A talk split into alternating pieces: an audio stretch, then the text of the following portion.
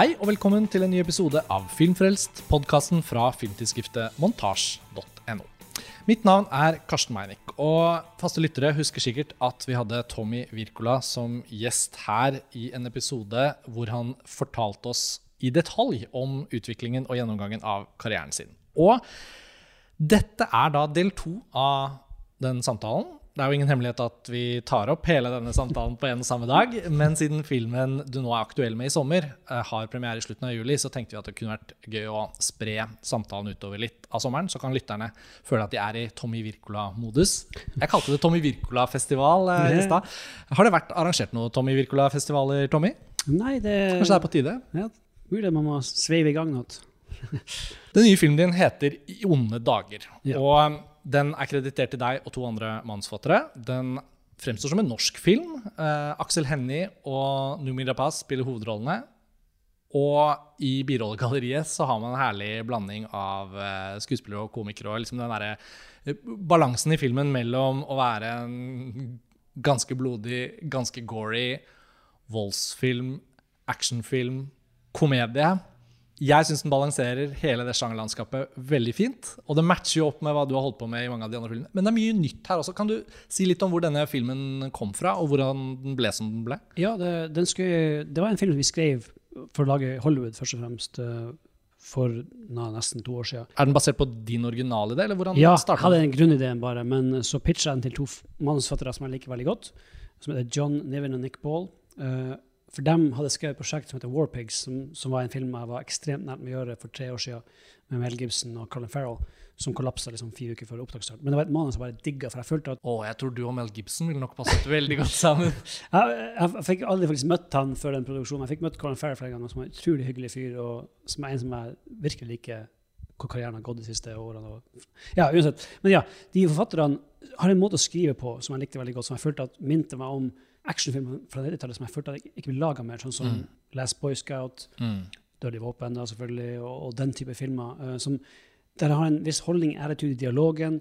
Alle karakterene liker, like. Altså det, jeg føler at ensemble-naturen i, i actionfilmer er nesten borte. Mm. Jeg så forresten uh, for eksempel Midnight Run nylig på nytt, som jeg prøver å gjøre ganske ofte. Men det bare slår meg hvor bra Alle karakterene har en ark. De har en grunn til å være der, og de har et, øye, eller et øyeblikk der de virkelig får shine. Jeg føler at det forsvinner mer og mer fra filmer for tida, og actionfilmer spesielt. Det er liksom bare én eller to eller tre karakterer. Det handler om resten er bare random. Altså ingenting å ta av der.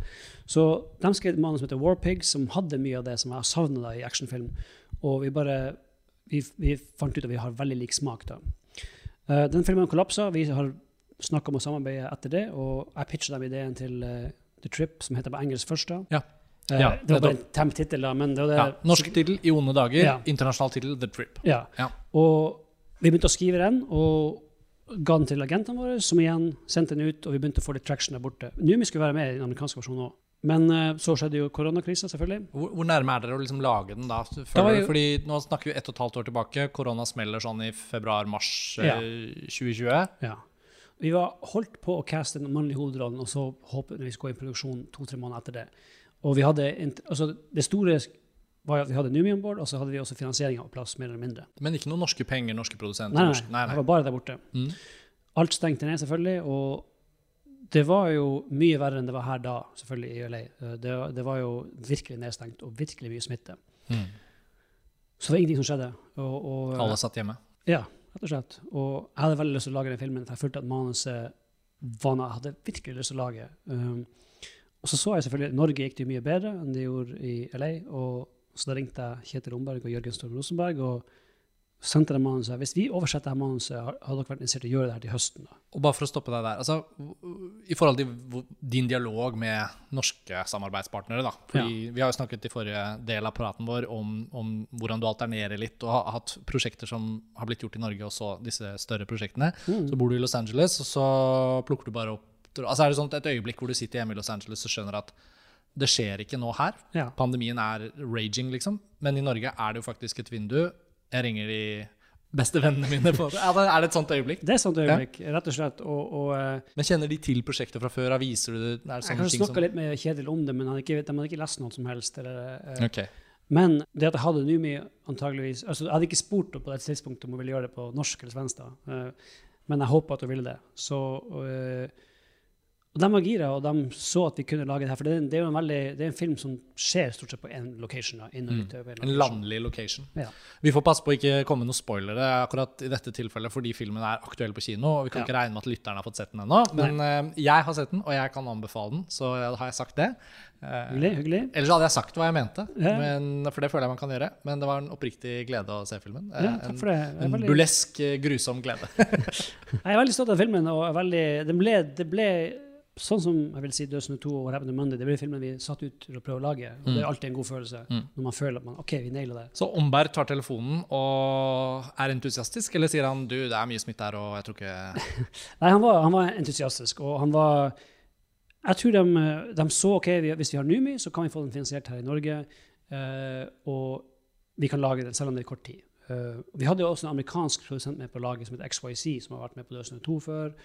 Og som da også opererer som en salgsagent. Så vi visste vi hadde dem om bord, og de kunne skaffe penger internasjonalt. For de rynker ikke på nesen over at den skifter uh... Nei, de er, de er veldig åpne. og de er, Det er et veldig bra selskap som, som gjør ganske store ting for tida. Men de begynte med å lage mye utenlandske horror- og actionfilmer. De gjorde The Raid og, og Dødsnø 2 da, og sånne typer filmer. Mm. Um, og de var med, og vi hadde OK, vi har Men da er det bare syv uker i teorien til vi føler For at tingen var at jeg, eh, kona mi men kjæresten min skulle føde Ja, selvfølgelig. Det nevnte du 6. november. Mm, dere har jo fått Nei, vent nå.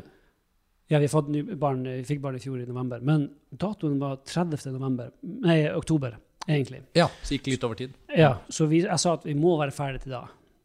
Vi må vi nødde å være ferdig til da.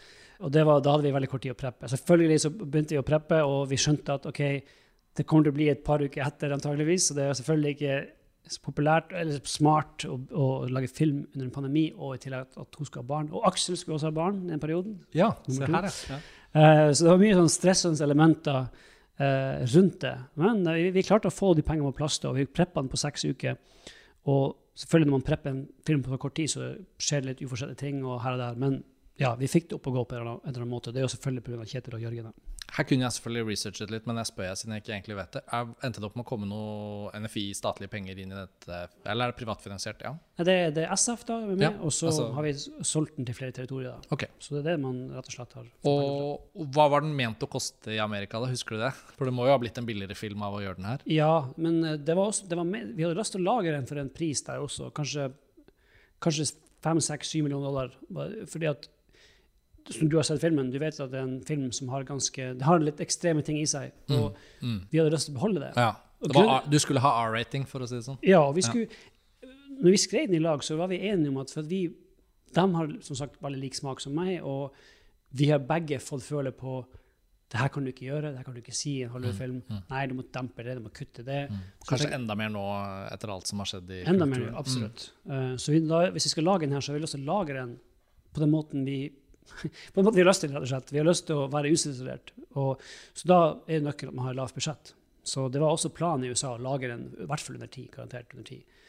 Eh, her koster den kanskje 3 millioner dollar, 2,5-3, som er da ca. 20-25. Men så blir det jo stjernespekket likevel, da, for Aksel Hennie, som jeg føler egentlig har gått litt lenge siden vi har sett. Altså I en periode så var han jo med i veldig mye norske filmer. Så Mm. plutselig var han med i The Martian og var i Hollywood. Og så har han jo gjort mye regi selv, og Mm. reklamefilm og ting og tang. Og, og så var det så herlig å se han i en sånn skikkelig leading role i en norsk film igjen. Ja. Eh, Hvordan Var det vanskelig å få med han, eller kjenner dere hverandre godt? Nei, vi kjenner hverandre godt, og vi har snakka om å jobbe i lag lenge. Og, og eh, han var veldig gira da jeg leste manuset. Og det, er personlig syns jeg er veldig artig å se Aksel i en sånn type rolle også, Mm. for det er ikke en klassisk rolle han har gjort før. eh, altså, han har gjort veldig mye helteroller, gjort veldig mye dypt drama.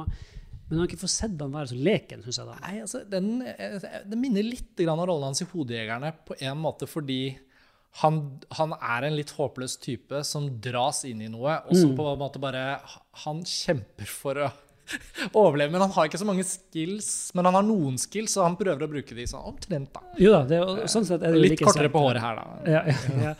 uh, og han var uh, veldig gira, og, og eh, som du, igjen, det er en rolle som prøv- uten å avsløre noe, som går gjennom mye. Mm. Og, og eh, jeg vil bare si generelt, jeg har jo første gang jeg jobbet med Aksel, bare så det er sagt. eh, fantastisk å jobbe med han, og utrolig gammel skuespiller. Og tar med seg fantastisk energi på sett. Og veldig samarbeidsvillig og leken. Og viktig, veldig viktige ting da, er uredd. Eh, det er veldig mange i Hollywood, så jeg har kanskje opplevd det litt sjøl, men mange av vennene mine har opplevd det. Altså, det veldig mange skuespillere som er veldig opptatt av hvordan de blir portrayed, hvordan de virker utad. Mm, eller mm, hvordan de, mm. Jeg kan ikke gjøre det jeg kan ikke gjøre det på Mm, film. Eh, Det er for mye. eh, Image. ja, image, rett og slett. Men, eh, og det skal Numi også ha. Der har hun ingen tøyle, hun heller. Så det var veldig befriende, så de kom veldig godt overens, de to. Han har veldig god kjemi i lag. Så det var, en, det var artig å ha dem i lag på sett og spille det paret som de gjør, og, og, og bare se dem leke med hverandre med de lange dialogscenene, f.eks. Og, Mm. og, ja, det var en utrolig fin opplevelse å jobbe med Aksel og Numi. Når publikum og lytterne våre ser denne filmen, så vil de jo på en måte føle seg veldig sånn godt ivaretatt, vil jeg si. Sånn underholdningsmessig, skuespillerne, sjangeren, tydeligheten i fortellingen, eh, graden av vold. er jo ikke noen film for folk under Eller hvor gammel var du da du så? Den, siden kommer til å ha kanskje 15-årsgrense i Norge, jeg vet ikke. Jeg vet ikke. Eh. Norge er jo veldig liberal når det kommer til aldersgrense. Ja, er men, men, men. Men den føles voksen på en bra måte. Ja, jeg skal liksom frem til det. Jeg tenker at Når du er tolv og får se en film som er voksen på denne måten, det er da man føler man har sett en kul film. Det er Akkurat som sant, å se The Rock når han får den der grønne giftgassen inn i kjeften han ene eller sånn, eller Heat, eller? Det er noen filmer med egentlig veldig mye brutalitet, men Mm. innenfor rammen av å være underholdnings-actionfilm hvor man skjønner det sløret. Ja. Man skjønner det jo også når man er 11-12, hvis man har sett litt film. Mm. Jeg tror både du og jeg, gjennom sånn videobutikkoppvekster, så får man jo også en dannelse.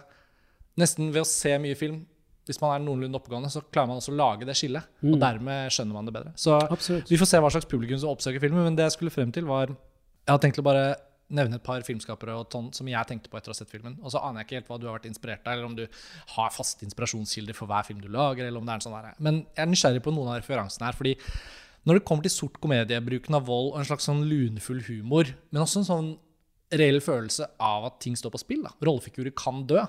Det er jo i tilfelle What Happened to Monday også noe av det som gjorde filmen litt sånn ekstra sånn at man lener seg frem. For man skjønner at istedenfor sånn superheltæraen hvor alle overlever og ingen at du kan skru tiden tilbake, og så kommer døde karakterer tilbake. Altså, så det har blitt sånn nesten at ingen dør lenger på film. Mm, nei, og det føler jeg I dine filmer så stryker du med folk. Og, Ja. og det fikk meg til å tenke bitte litt på Coen-brødrene. Så du kan, jeg er nysgjerrig på liksom, hva slags filmskapere de har vært for, for deg. Um, jeg tenker liksom på Burn After Reading og sånn, sånne filmer hvor, hvor rollefigurer bare plutselig bare får en kule, og så er det over.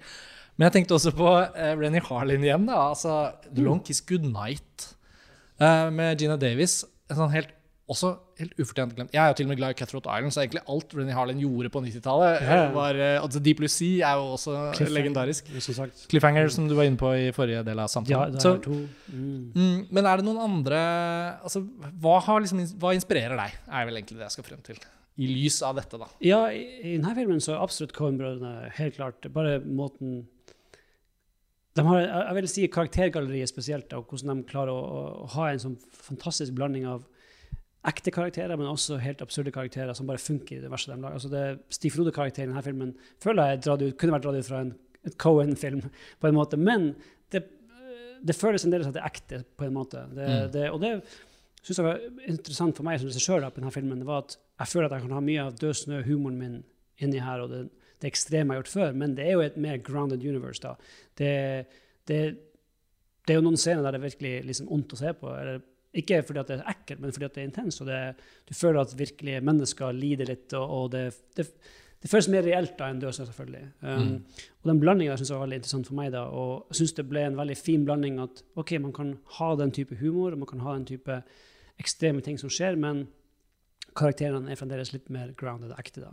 Um, men ja, Cohen-brødrene er selvfølgelig eh, enorm fan av dem, og eh, måten de jeg føler at de, de har deres egen, sin egen sjanger, da. De, de, og de har lekt seg i så mange sjangere, men allikevel klarer de, hver gang de gjør det, så gjør de den sjangeren på sin egen måte, da, som er utrolig inspirerende. Eh, og eh, Tarantino, selvfølgelig. Det er ikke noe å legge En skjul fast på. inspirasjonskilde. det Jo, da, men jeg. jeg, jeg, forguder Tarantino. og Jeg Ja. synes, eh, Han er en av de få virkelig igjen som han gjør akkurat hva faen han vil, og det Mm. funker. Mm. Uh, og, og det inspirerer han seg sjøl. at han For nå i denne verden som det er nå, så er det veldig lett å prøve å tenke Kan vi gjøre det her? Kan vi si det her? Kan vi Men Tarantino bare Jeg lager det jeg vil lage, og så får folk bare være med eller ikke være med. Mm. Og Det er en sånn holdning jeg liker veldig godt, da, og vi prøvde å gjøre litt med den samme, men her, da.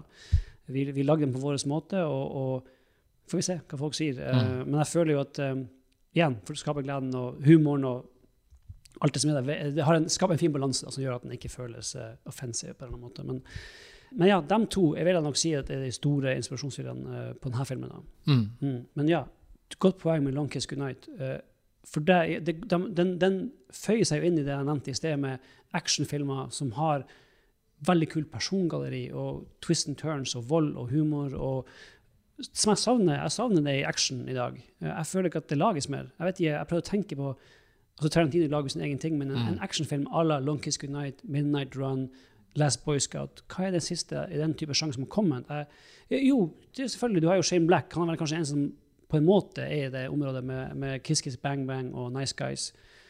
Men jeg, jeg føler at det virkelig mangler. Så gjorde han en Marvel-film, han òg, da. Så da. Ja. men, jeg, men jeg tenker jo også at du har helt rett, og jeg føler på akkurat det samme savnet. Og jeg tror at uh, Ja, eller jeg sier ikke at du gjør det på egen hånd her, da, men jeg gleder meg hvis det kommer en periode etter en lang ørkesløs vandring hvor actionfilmen har blitt tatt over av liksom CGI-drevet. eh, en ting er superhelt, det kan liksom leve sitt eget Det går jo an å bare unngå de filmene hvis man vil. Så og så tror jeg mange mennesker får sin fascinasjon og elsk for film ved å se de filmene.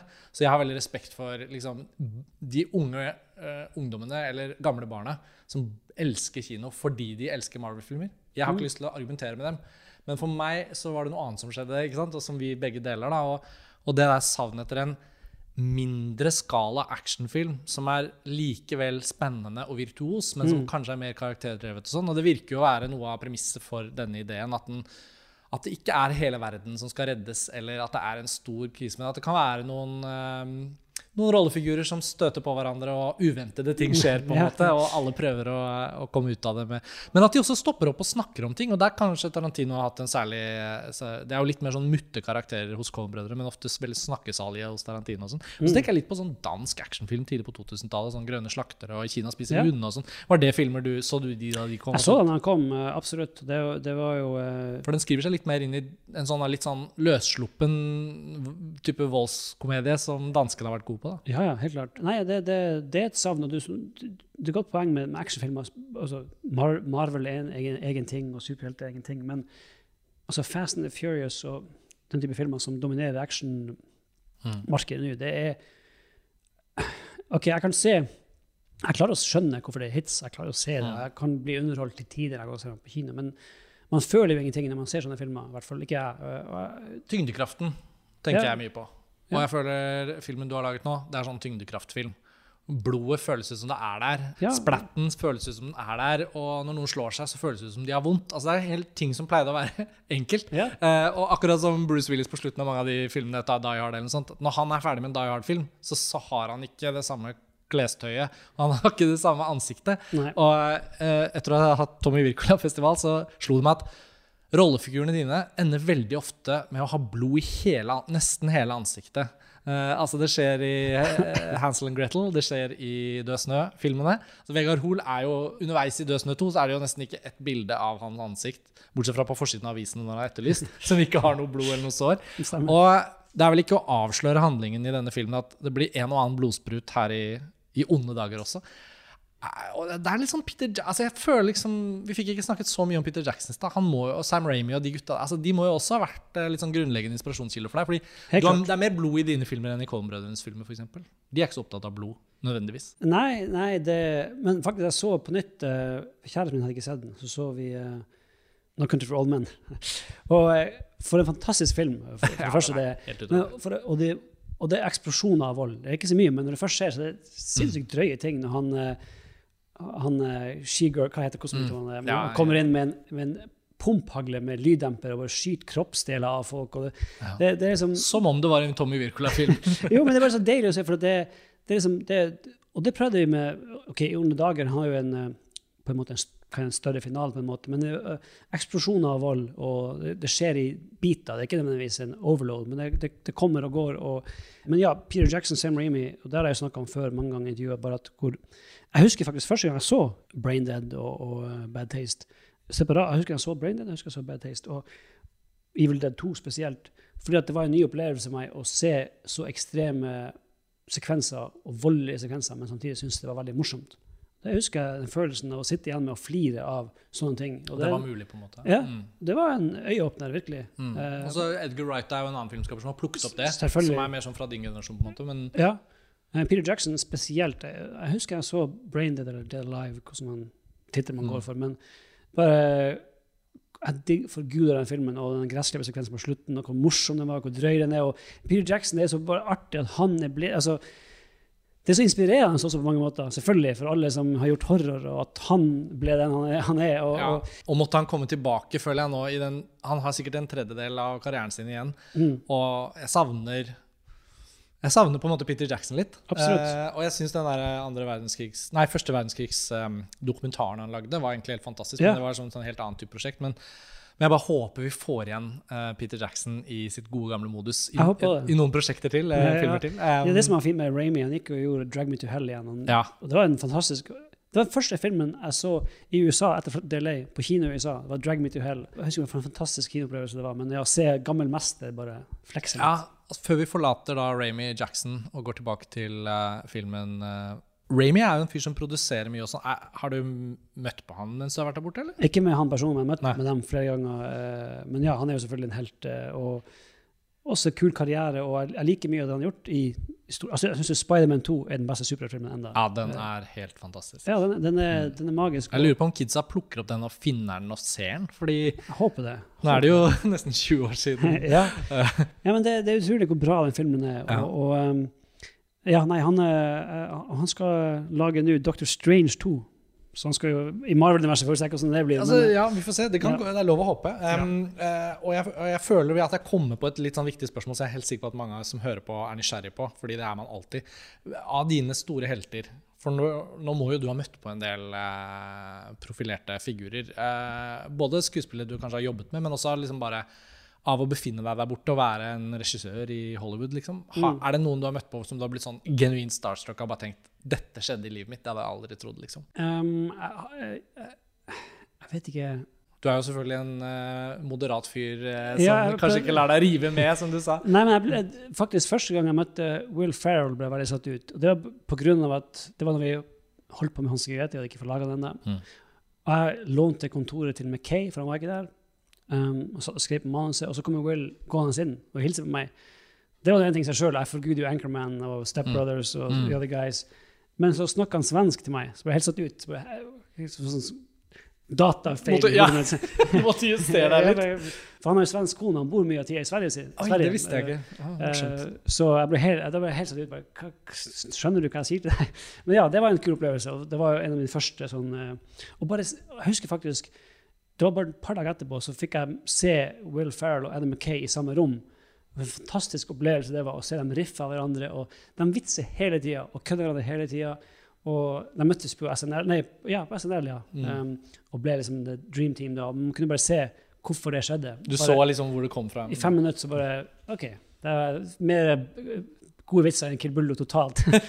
Men ja, nei, det, var, det var stort. Ellers så jobbe med William Defoe, Glenn Close, det var stort for meg. Uh, Ja, i What Happened to Monday. ja, Mm. og bare å jobbe med dem, det er én ting, men å se og oppleve hvor bare fine personer de er, men også hvor proff de er, og hvor seriøst de tar yrket sitt. og det var inspirerende, faktisk. Og, og, og William han forlot aldri sett med den. Han har bruker ikke doubles. Han, og selvfølgelig, det, jeg sier det, mange tenker jo at det burde være opplagt, men det er ikke det i Hollywood. Det er dessverre veldig mye pampering og mye skjermestjerner. De skal mer, de skal mer, de skal mer. eh, og du kan ikke spørre dem om det, du kan ikke gjøre ditt eller datt. Men William og Glenn var ingenting sånn. Du skjønner hvorfor de har karriere i 40 år. Det er fordi de er Mm. uberproff og bra folk. Hvorfor alle håper at Glenn Close snart skal få sin forjettede Oscar. Som er way overdue. ja. Skulle fått den for Fatal Attraction, mm. i hvert fall. Ja.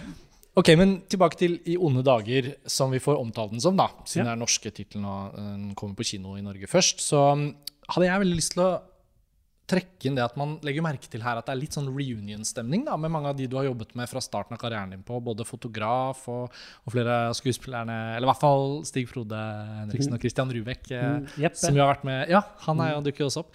Kan du si litt om det? Nå, nå, nå fornorsker dere prosjektet, det er pandemi, det blir noe av. Dere flytter kanskje hjem til Norge for en periode.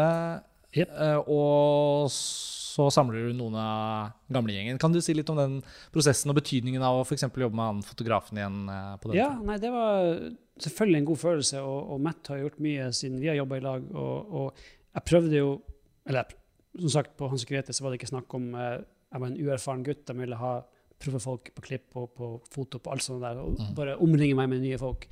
Eh, så jobba jeg med han igjen på Dødsende 2, da, som den Ja. siste filmen vi gjorde i lag. Uh, nei, det var en utrolig fin opplevelse. Det var, det var uh, Igjen, jeg, jeg føler jo Størrelsen på produksjonene er jo den forskjellen, men, og, men dyktigheten på crew og, er, merker man ikke, syns jeg. da. Jeg syns det er absolutt like bra å jobbe her sånn som i Hollywood.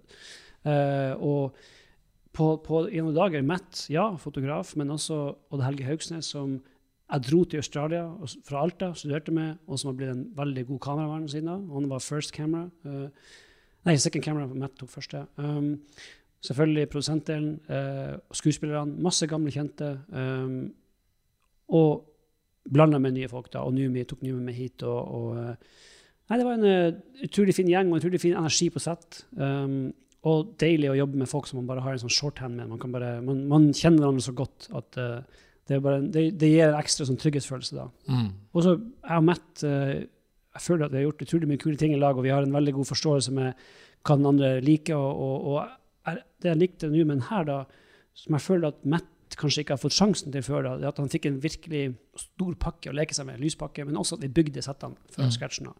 For at vanligvis så går man på, man har ikke råd til å bygge ting, man går på location. Men hadde vi, vi hadde råd til å bygge, siden det var bare en, stort sett én location i filmen, en svær hytte, så bygde vi alle rommene interiørt eh, på sett. Og Mm. da kan man lyse etter den som man vil, og man kan bygge lysrigger. Man kan gjøre det mye mer kontrollert. da. Ja, for på en god måte så merket jeg det, men det handlet om å føle at man var i en slags sånn god, gammeldags, trygge hender hvor det er som om man skjønner litt at filmen inviterer oss til å anse dette som stedet hvor filmen skal utspille seg. Mm. Og i alle filmer som handler om å komme til et sted og noe skjer der, fra The Shining til liksom det, ja. Utallige Ja, ikke sant? Det, det, det blir for mange eksempler å nevne. Men så, så føler jeg liksom at det at man kjenner at når du tar oss inn i denne hytta, så er på en måte konseptet om en slags kvadratmetermengde fra utsiden er liksom litt eh, opphøyet virkelighet. Fordi det du gjør, er å invitere oss inn i liksom et filmatisk rom som skal anvendes til noe. Mm. Og jeg kan bare tipse lytterne om at alt dere ser av småtterier, objekter, replikker som blir sagt, eh, følg med i de første ti minuttene av filmen.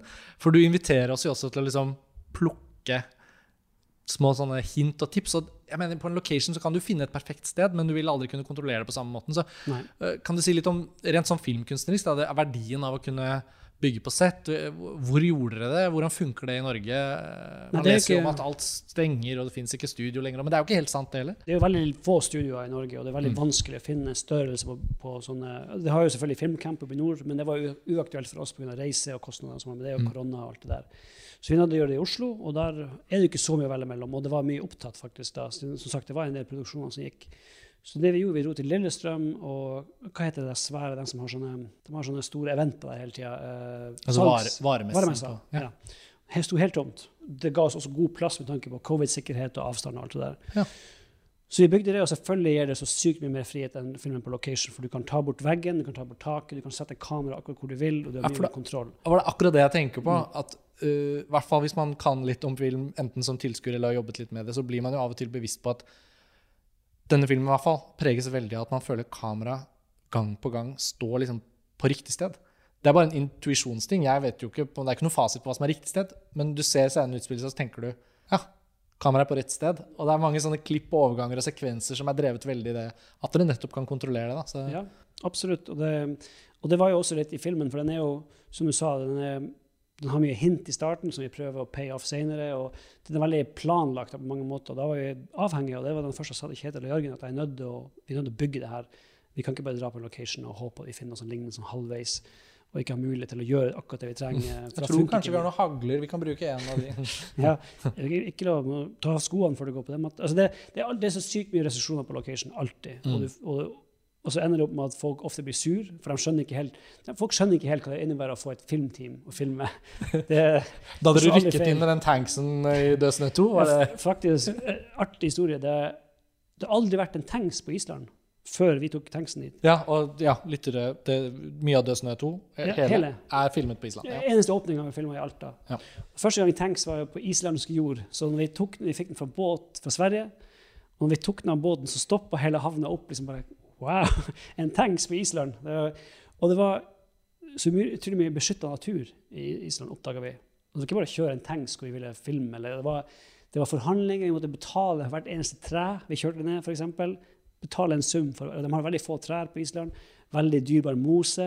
Eh, det var mye, veldig mye styr med den tanksen. Jesus. Mm. Men ja, Ja. Uh, uansett. Um, ja, det, det, Litt greiere forhold på Lillestrøm. ja, tryggere og, og tilfeldigvis, som man ser i filmen. Det er også bare litt om må følge seg etter, eller prøve å improvisere underveis hvis det er noe som kan gjøre det bedre. Men mens i filmen der, så ser vi at de har satt opp et tivoli på utsida, utsida av eh, varemessa.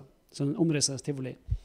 Så tenker jeg, faen, det er jo production value, det her må vi jo prøve å bruke hvis vi kan. Eh, Så vi omskrev to scener, nei, en scene til å se på det tivoli istedenfor, som er en av de beste scenene i filmen. Bare som, det bare ga en helt en ny energi. Det gir en vitamininnsprøytning til filmen når den trenger det. På grunn av helt nye ting. Du ser karuseller, folk, lyder, musikk. og Et veldig godt eksempel på sånt. Den hadde ikke behøvd å utspille seg der. Nei. Men hvor mange millioner kjedelige dialogscener har vi ikke sett hvor to rollefigurer skal avtale noe, og det er bare ingenting filmatisk å forholde seg til? Ja, nei, Og, og det er jo det lille du kan gjøre med Stig Frodes rollefigur for å på en måte flesh him out a little. akkurat. Eh, det øyeblikket hvor han er alene i den der bare surrer rundt. Det er faktisk umulig å ikke tenke på det når den kommer i filmen. sånn, Oi, nå får vi bare se han ta seg en runde på den. det er veldig gøy. Det var også bare improvisert den dagen vi så de karusellene. Hey, vi burde få Stig Frode på den der. Ja. Og se at han Veldig gøy. ikke Jeg la merke til det. Mm. Nå har vi jo snakket veldig lenge, Tommy, egentlig, fordi vi har tatt opp begge disse to delene av samtalen i ett. Så jeg tenker vi kan avrunde litt. eh, Ikke fordi jeg ikke har flere ting jeg lurer på, men eh, det er jo grenser for hvor lenge man kan bare sitte og prate. Mm. I onde dager har jo da som sagt nå premiere i slutten av juli, og gjenåpningen er et faktum. Og, og når den da har hatt premiere, så er jo det litt sånn blanke ark for deg igjen. eh, Men det er sikkert ikke blanke ark. Så kan du si litt uh, av det du kan si om hva du tror venter for din del nå eh, i årene som kommer? Er det, blir du slukt av TV-seriefenomener som skal spise opp alle spennende regissører fordi film liksom ikke er eh, Jeg blir jo veldig lei meg når alle forsvinner til TV. Ja. For det er jo viktig å holde kinokulturen i live. Det var snakk om at du skulle gjøre en sånn Narvik-krigsfilm som kanskje har blitt tatt over av noen andre. Altså, kan du, hva, hva er liksom ståa for Tommy Wirkola, bortsett fra at han har blitt småbarnsfar og laget film i Norge igjen? Nei, Som vanlig så prøver man å ha flere baller i lufta og sjonglere, for man vet jo aldri hva som skjer, og hva som får grønt lys. og det er jo det er jo igjen noe av det vanskeligste eller vanskeligste med å jobbe i den bransjen, det er at man aldri kan planlegge noe eller vet hva som kommer. Men det også, gjør det spennende, selvfølgelig. For min del så Det eneste jeg vet helt sikkert, vi skal lage en animasjonsfilm til høsten som det har vært litt i pressen om, eh, som heter Spermageddon. Og det er akkurat det du tror det. er. Jeg husker den pitchen som sa, jeg kalte det det er Cannibal Run eller Fast and Furious bare med sædceller som på jakt etter egget. Og det er en voksen animasjonsfilm. Men samtidig den filmen Det er den drøyeste filmen helt klart har vært med å skrive, med Jesper Sundnes og Vegard Hoel. Men samtidig den filmen med mest hjerte. Så jeg er veldig spent på den. Um, og, men det er jo en lang prosess. Det tar to år. Kvisten skal gjøre animasjon her i Norge. Og uh, den begynner vi på til høsten, da. Jeg tenker på Woody Allens uh... Helt klart. Og jeg tenker på Sausage Party, var det den Ja. het? Til Seth Rogen og Ja, som er en stor hit faktisk for dem. Og, Har animasjonsfilm vært en ting du har tenkt en dag, så skal det bli det? Nei, egentlig ikke. Det men jeg fikk denne ideen under uh, What Happened to Monday, faktisk, på en bar. Men så, så, satt med noen kompiser så bare Kult å lage animasjonsfilm om sæd. Jeg vet ikke hvorfor, hvorfor det er en altså, tankerekke som Ah, What eh, Happened to Monday hadde jo sine forplantningsrelaterte ja, ja, ting. det. Altså. Har det. Så det er en ting som mer eller mindre sikkert.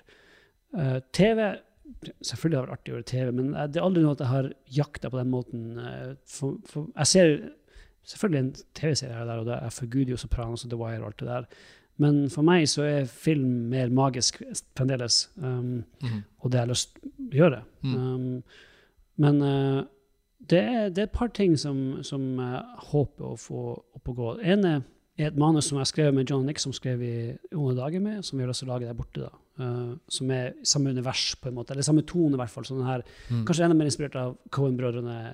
Uh, den, er ikke- den er ikke så actionfylt den her nødvendigvis, men mer, mer en sånn spennende drama, komedieting uh, med masse drøye karakterer og mørk humor. Eh, andre ting eh, Faktisk eh, så har eh, flere folk der borte i Hollywood fått lov å se denne filmen. Eh, eh, på bakgrunn av prøveprosjekter. Og det er et par ting som ser lovende ut, uh, som jeg skal har lyst til å komme i gang med kanskje slutten av året. da. Men Mm. man vet, det er umulig å si. Umulig Ja. å si. Det, det, det, men planen er at filmen skal premiere i, i 30. juli. Så har jeg dåp her i Norge i august.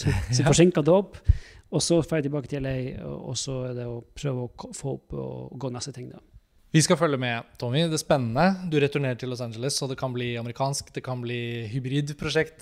Animasjonen skal surre og gå. Og så syns jeg på en måte det er på sin plass å da invitere deg tilbake om et par år. da, At vi plukker opp tråden, at du kan komme tilbake til Filmfrelst. Og så har vi jo invitert deg til å kanskje komme med noen liksom filmanbefalinger da, i, på montasje i andre spalter nå i Yes. anledning premieren. Så da får vi håpe at lytterne også tar en titt på det inne på montasje. Så Mm. med det sagt så må jeg bare si tusen takk for tiden din. Utrolig gøy å få tatt en sånn ordentlig grundig prat og Ja. få høre historien om alt du har vært med på. Så, Veldig gøy.